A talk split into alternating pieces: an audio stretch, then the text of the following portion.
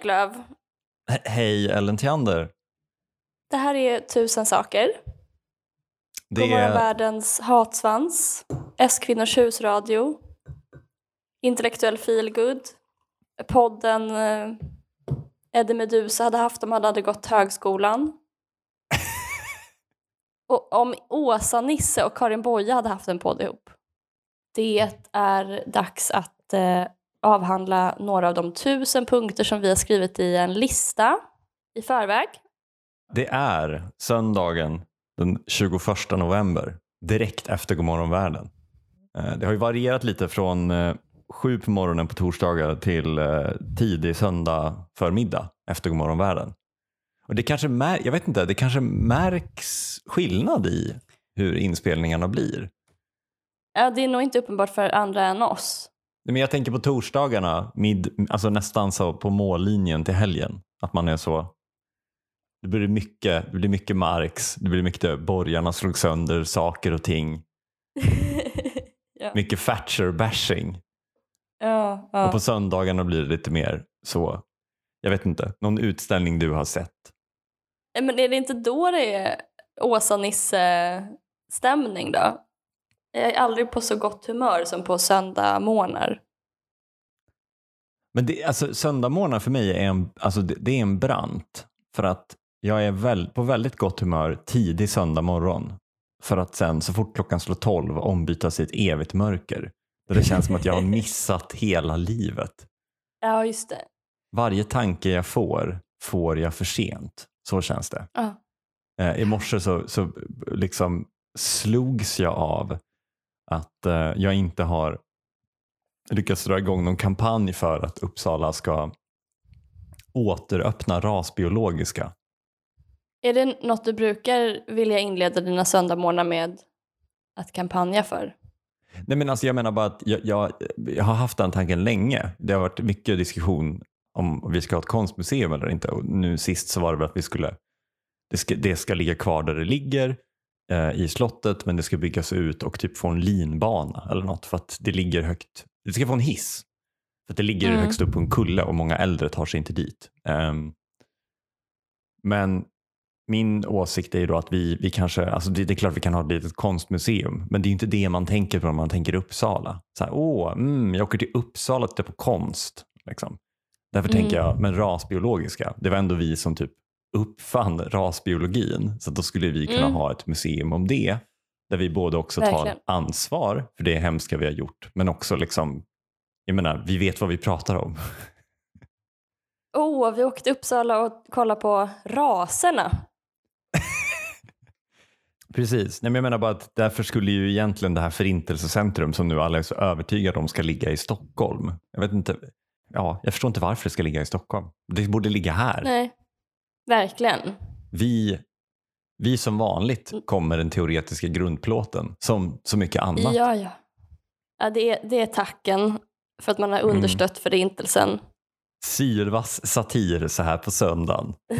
Levererat av public service hatsvans. Hur står det till Ellen? Ehm, nej men det är bra. Ehm, hur är det själv? Eh, Men det är samma, det är bra. Det är verkligen, ehm, det är inte riktigt julen, Det stämmer. men eh, jag har ju börjat, 15 november börjar jag fira. Ehm, Mhm. Men jag har inte fått med mig resten av samhället. Jag börjar lyssna på julmusik och plocka fram, eh, jag har en liten, liten tomte som sitter på ett paket och håller i en skylt där det står nu är det jul igen. Och den lämnar Mm. liksom aldrig vår lägenhet. Den behöver inte åka i samma låda som resten av julpyntet utan den ställer jag bara typ bakom sesamoljan i hyllan så att den inte syns. Ja, just det. Eh, Ja. Och sen 15 november så flyttar jag fram den bara. Ja, vad stressigt om du någon gång ska ha sesamoljan och sen bara är det jul plötsligt igen. Ja men då, då är det så bara. Det, Ja, det skulle inte jag ha någonting emot. Men eh, nej. Jag tycker att eh, 15 november är en perfekt tidpunkt för er som älskar julen eh, men samtidigt inte vill springa gatlopp. För du är inte liksom Gustav Reinfeldt, du är inte spritt galen och du provocerar ingen. ja, det är ju reformisterna. Om man säger Ja, så. ja, det är ju- julreformisterna. Precis, det är ju ingen liksom samhällsomstörtande revolution att det är jul första oktober utan det är bara små, små steg som för samhället i en mer eh, människovänlig riktning. Tomtevänlig. Punkt 151. Det finns tre olika världar. Sportvärlden, samhällsvärlden och kulturvärlden. Kul skämt här. Säga att vädervärlden finns. Ja, det är min punkt. Ja. Men jag tror att det kommer från uppdelningen av tidningar. Mm. Alltså det här med att, att det är uppdelat i, i liksom tre världar. Eller nyheter sport. generellt. Ja, men så här sport, samhälle och kultur. Men jag tror den är uppbyggd i vad vi vill välja bort. Du har liksom samhälle, sport, kultur och så delar du upp dem i olika delar av tidningen så att du kan lägga bort till exempel sporten. Jag, hitta, jag har hittat vädervärlden också. I, eh, Jaha. i eh, Snorres Edda av alla ställen.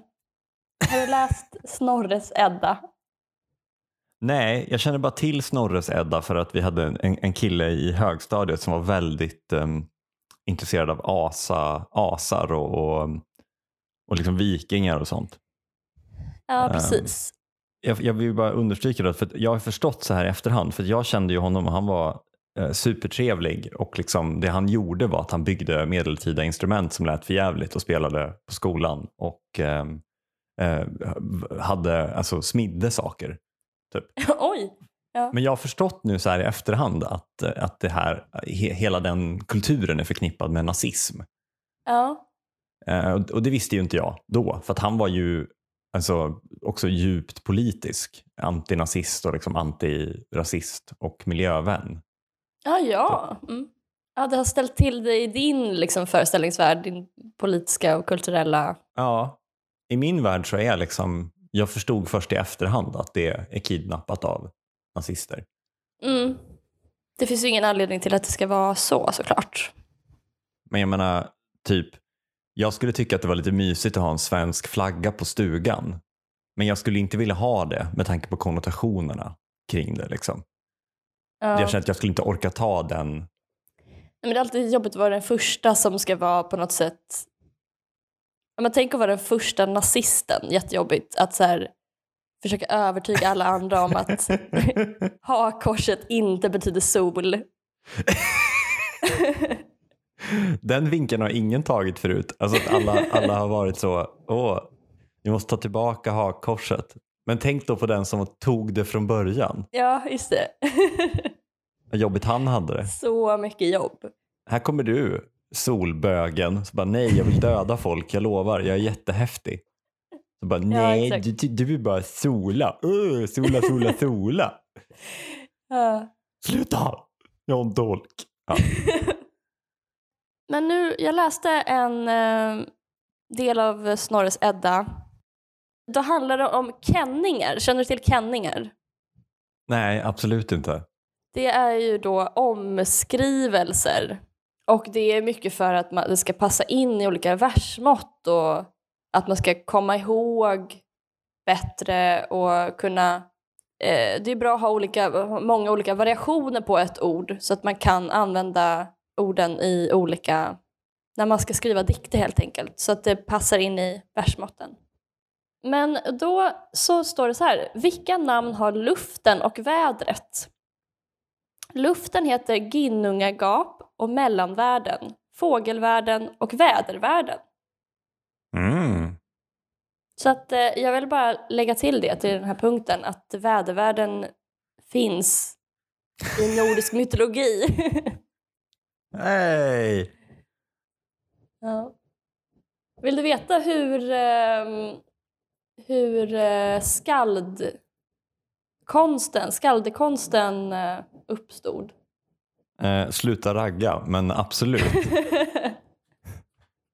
Upphovet till den var att gudarna hade stridigheter med folket som hette vaner. De höll ett fredsmöte och befäste freden på så sätt att båda sidor gick fram till ett kar och spottade i det.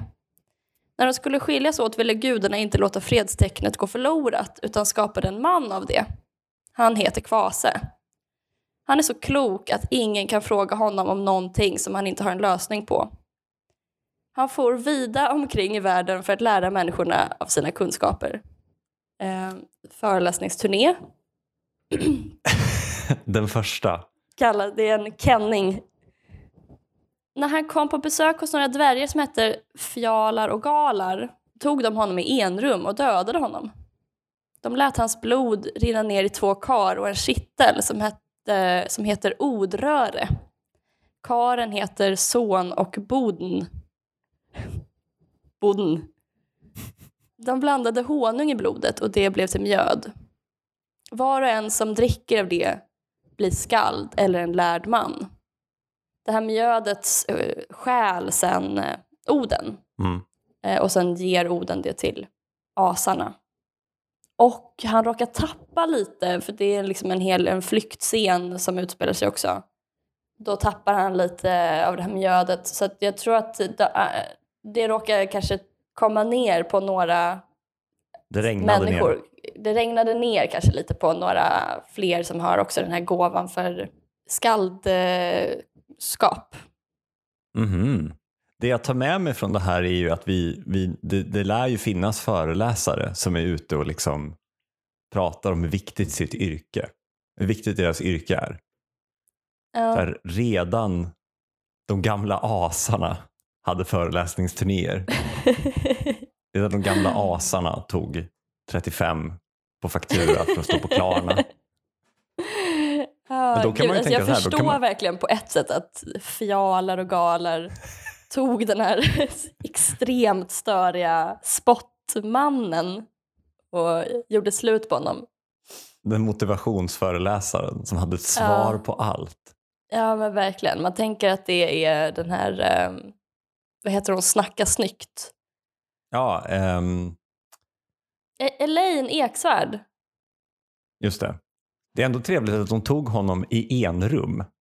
De Men det tror jag var för att eh, ingen skulle bli sur. För att sen så ljuger de. Eh, det är också väldigt kul för att eh, sen ljuger de för asarna och säger att han dog för att han, han kvävdes till döds för att han inte fick prata om... Det var ingen som var tillräckligt lärd för att kunna ställa frågor till honom som han kunde besvara med all sin visdom. Även där är något som föreläsare pratar om att de känner igen sig i. Ja. Förlåt, nu har jag um, kidnappat den här punkten. Men det finns, jag håller med dig om att det finns de här separata världarna som inte riktigt...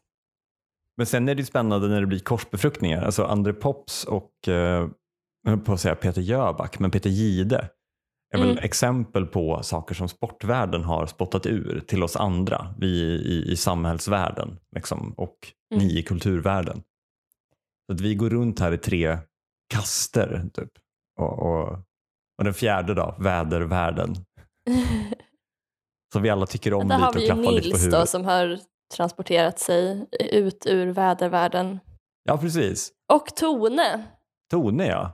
Och även eh, de jättemysiga personerna på Svensk geologisk undersökning som came to national fame 2018 när vi fick en grundvattenkris. Och de började göra månadens grundvattensändning som ett YouTube-klipp som kommer ut varje månad. Där en av deras eh, analytiker står utanför deras lilla, lilla myndighetsbyggnad och berättar hur det ligger till med grundvattnet i liksom en väderrapports uppläggning. Det är jättebra. Men det är ju jättemysigt att, eh, att vädervärlden har fått ett sånt litet uppsving. Ja. Leif GW rör sig ju fritt mellan liksom sport, kultur och samhällsvärlden egentligen som en handelsresande i idéer. Kvase, eller vad hette han? Ja, precis. Det finns inget han inte har svar Han får på. inte bli i enrum med någon. Gud, han är ju i, i enrum hela tiden med den här veckans brott-kvinnan. Men gud, han har ju släppt ett rödvin. Som heter, eh, vad är det, G- GVs röda. Är det då hans blod? Och alla som dricker den kan prata med alla världar. Eller så blir man en privatspanare. Pa Palmemordsentusiast. Men där har du ju också, där har du också något som är överbryggare som samlar världarna. Liksom. Ja, Spännande. Jag skulle ju säga att jag tillhör samhällsvärlden väldigt starkt. mm. Vilken är jag? Behö- Så vi, vi, behöver bara, vi behöver bara en representant från sportvärlden så vår, och vädervärlden så är vår podd komplett. Gud, kan inte vi börja med vädret i vår podd? Man kanske skulle kunna köra historiskt väder. Mm. Klimatet menar du? Hej! Nej men så, eh, förra veckan var det fint. Varje tisdag får man veta vad det var för väder i söndags. Det, det, är så, alltså det är så libertarianer tänker att Sverige var innan 1980. Att det var en döende farbror som väste ut tre dagar gammalt väder mellan nyheter från Latinamerika. Punkt 556. Vad gör chefer? Har du någon gång undrat vad chefer gör? Ja, det är väl, det är väl en sån här yrkesgrupp som så ofta kommer upp att vi, vi märker dem inte förrän de inte gör sitt jobb. Mhm. Som Vad typ el, du? el, elnätsleverantörer. Liksom. Eller eh, Säkerhetspolisen är Mm. ett bra exempel. Okej. Det var inte det svaret du ville ha och riffa på. jag är ju chefstillvänd, det är det.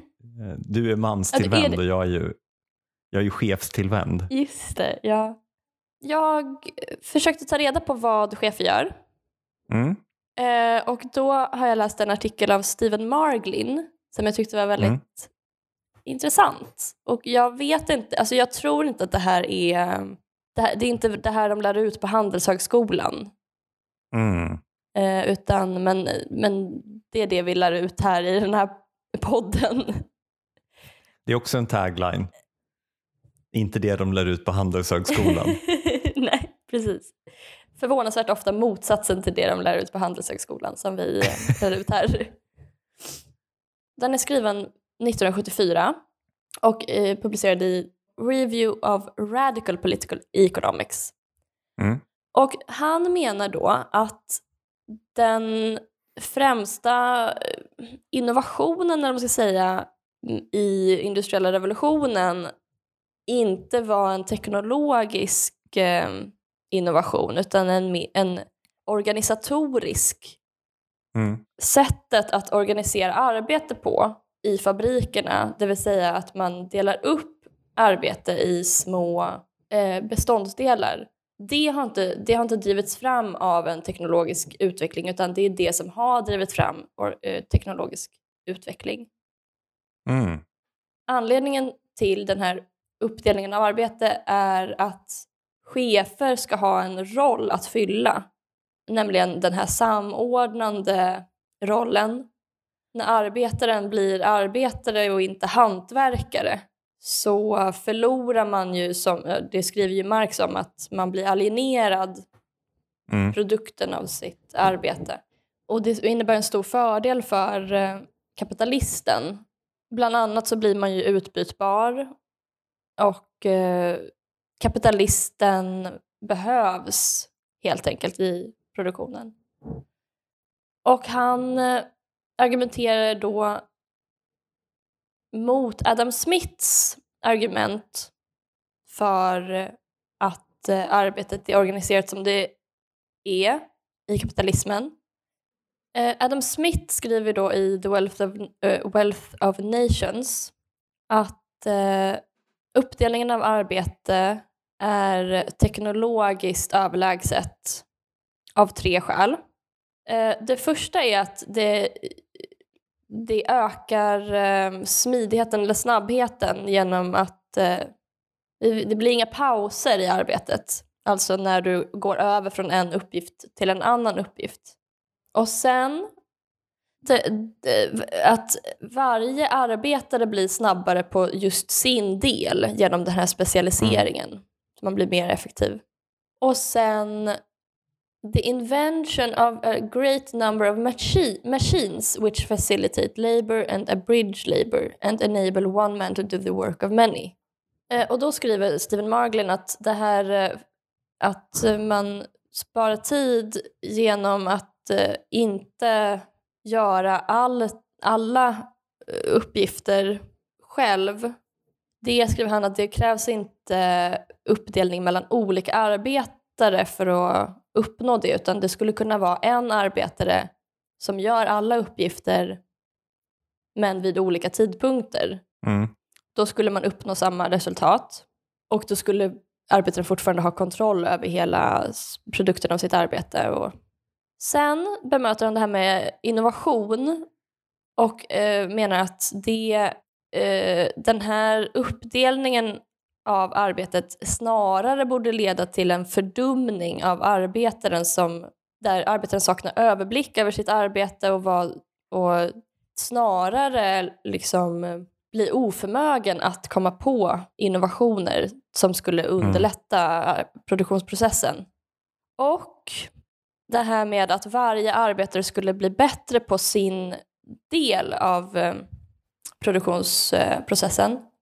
Mm. Det menar han också är, det är inte den typen av arbete som till exempel inom kirurgi, att vara kirurg till exempel, eller att vara dansare, det kräver ju en specialisering självklart.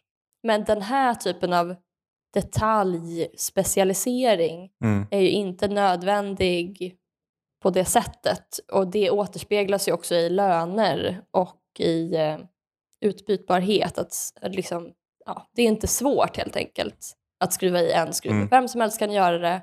Du blir inte så mycket bättre på det om du jobbat tio år med det. Ja, istället så menar han ju då att eh, det, det här har ju andra skäl och att man, man kan ta en teknologi i bruk utan att det är den mest tekniskt effektiva så att säga. Mm. Det- Och att det snarare tjänar vissa intressen eller det är mer effektivt för de som har eller vill ha makt.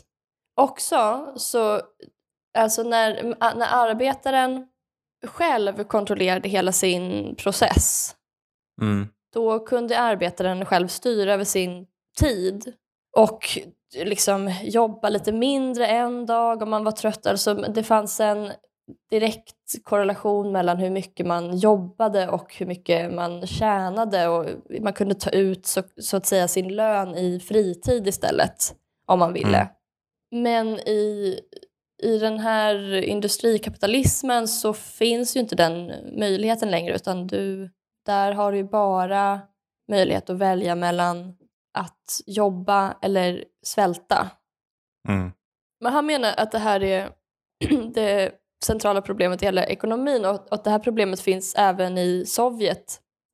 Han jämför också med att söndra och härska. Mm. Man delar upp helt enkelt arbetet för, för att ha själv en eh, roll att fylla eller eh, ja, man, man löser ett problem man själv har skapat på något sätt. Nej, men det, alltså det, påminner ju lite, jag menar, det påminner ju lite om ett annat kapitalistiskt stjärnskott, eh, det danska leksaksföretaget Lego. De, jag menar, de, de, de har ju perfektat det här genom att ta ihop, eh, alltså visa oss häftiga, häftiga saker som vi kan bygga. Och sen tar de isär dem och så säljer de dem till oss isärtagna. Och bara, kolla på den här kartan vi har tagit fram så ni kan bygga ihop det igen. Ja, Med ingen ja. annan poäng än att vill du att det ska vara lika fint som den här bilden, då får du hugga i. är det det man egentligen leker? Att man är chef när man leker med lego? Fast du bygger ju också. Du leker nog gammeldags arbetsmarknad för du sitter både på kartan och byggstenarna. Jaha, just det. Skulle, skulle du däremot göra det modern arbetsplats så skulle ju du sitta på kartan och sen skulle du ha någon person som ansvarade för alla röda delar, någon för alla gröna, någon för alla vita. Och så skulle du Ah. bara säga hej, eh, nu bygger vi något som inte du vet vad det är. Men eh, när det har lagts två röda bitar så kommer du behöva sätta en vit ovanpå dem ungefär i mitten. Eh, Mm. Och bli inte arg på mig om det inte är några röda bitar där när du ska göra utan bli arg på din kollega som är lat och inte fick dit två röda bitar innan du behövde sätta Mm. din vita. Så bråka med varandra istället för att bråka med mig. By the Ja, way ska jag på vinlunch. Lycka till. Mm, typiskt lego. De kom ju där någonstans på 70-talet och på 80-talet då svängde vi över till nyliberalism. Coincidence? I think not. Det är också som, jag tänker på de här teckningarna när man fick dra streck mellan siffror. Ja.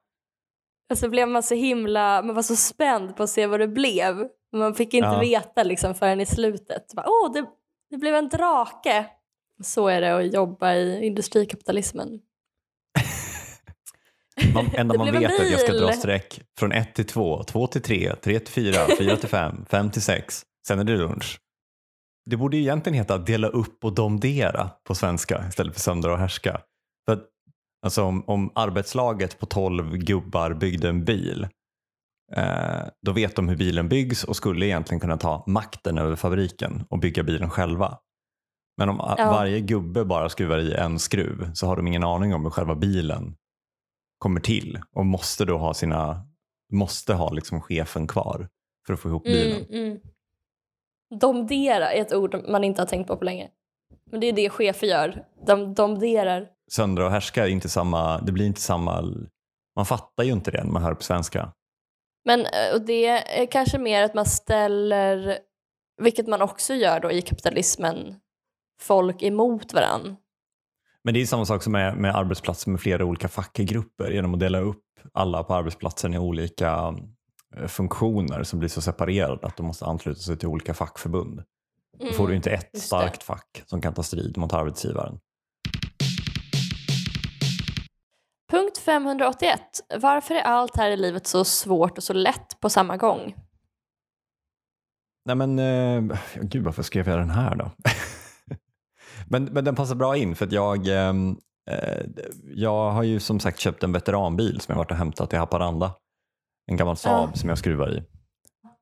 Sen är det just också med, med Saab är ju en sån, i och med att det inte finns Saabar längre så handlar det mycket mer om att liksom förvalta än det handlar om att, att liksom, som kanske med Volvo-hobbyn, att det handlar om att liksom modifiera och bygga och liksom ta ut svängarna. Men med äldre Saabar så är det mycket mer Ja, men typ, eh, en grej som är väldigt så här, vanligt förekommande i Saab-hobbyn är att folk typ köper fina filtar och kuddar och att deras verkstäder är inredda med liksom små mysiga lampor och kanske någon gammal plansch. Typ. Mm. Det är väldigt mycket nostalgi och liksom putsa och, och mjuka värden-hobby för att vara en bilhobby. Mm. Det är inte som det är också roligt att det är en sån uppdelning. Att vi, vi hatar ju Volvo-fansen och de hatar oss. Jaså, De är liksom varför det? grobianer som gillar att trimma sina jävla traktorbilar. Typ. Ah. vi, vi tycker om att, att kanske ha lite tebjudning i bakluckan på våra familjevänliga säkra bilar.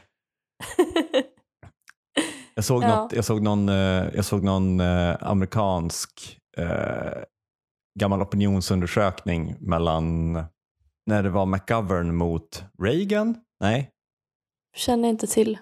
det, det, McGovern var den eh, demokratiska presidentkandidaten som stod emot en republikansk presidentkandidat. Mm. Och bland de som ägde Saabar i en viss eh, utfrågad befolkningsgrupp, fråga mig inte vilken, eh, typ boende i något område, eh, så röstade 98 procent på McGovern. Att det var liksom, det fanns en väldigt, väldigt tydlig koppling.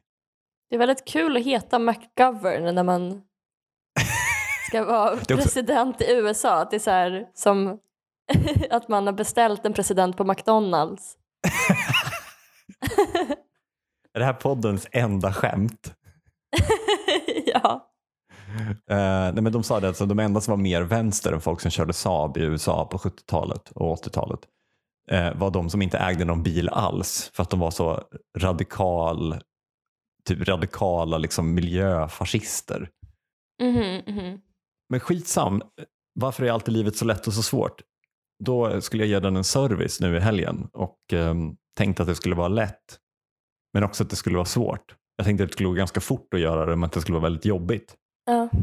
Men istället så var det svårt men väldigt lätt. Det tog extremt lång tid att göra men det var inte ett dugg, dugg jobbigt.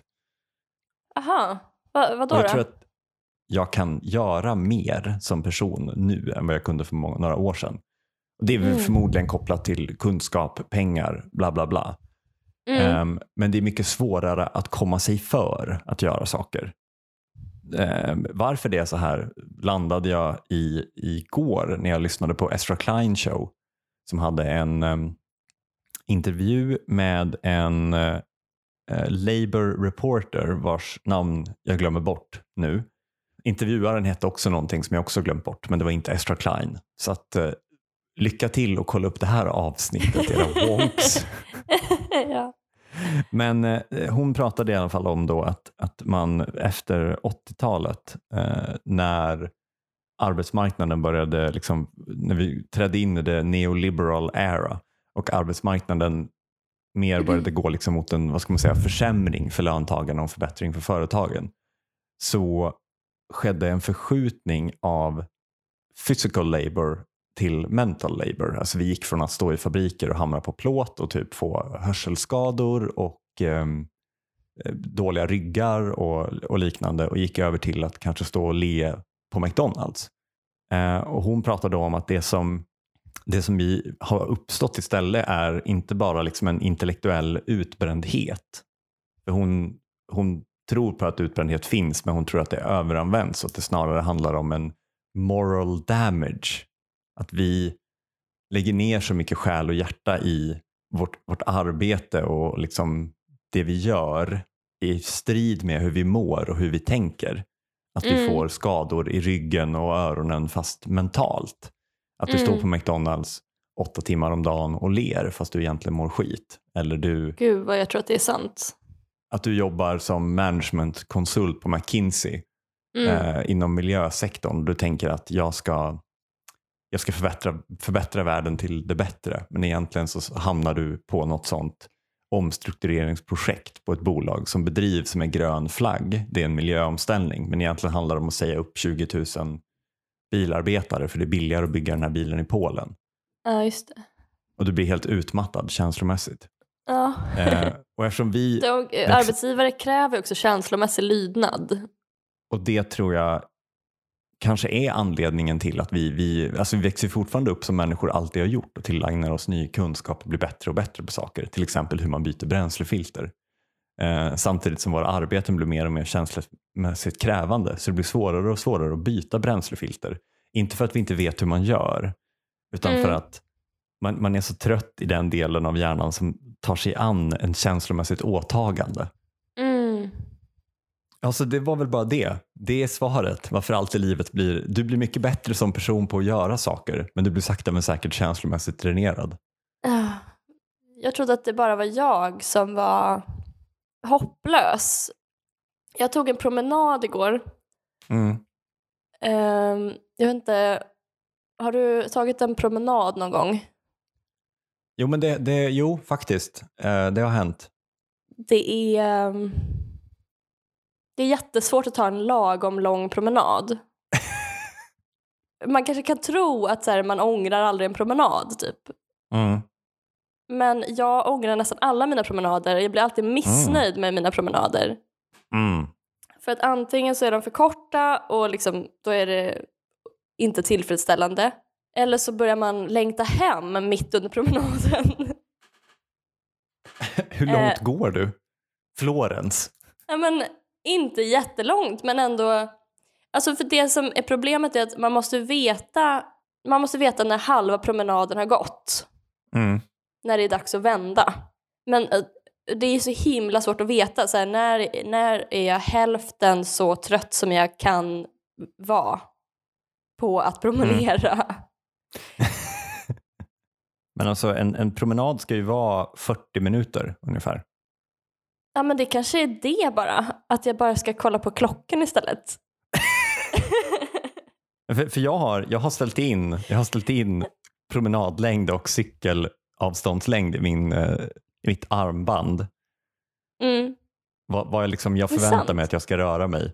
Eh, Ja. Så jag har lagt det lite lägre än vad jag brukar röra mig. Så att jag alltid står så här 120% given. Att den den alltid berömmer mig för att jag ger mer än mitt maximala. Oh. nu, jag tror att om man lyssnar på den här podden så tror man kanske att jag är en välanpassad medborgare som... Eller det kanske man inte alls tror. Men att så här, jag är en person som klarar av saker. Men jag vet inte hur man tar en lagom lång promenad. Alltså jag kan liksom inte göra någonting nästan. Det kanske bara är det att man, man ehm, det mesta i livet är lätt. Man bara gör det med viss olust. Tack för den här veckan Kim Eklöf. Tack Ellen Tiander. Vi kommer ut på tisdagar klockan sex på morgonen. Lagom till morgonlöprundan. Producent är Sally Eriksson. Ansvarig utgivare är Ellen Tiander. På återhörande. På återhörande.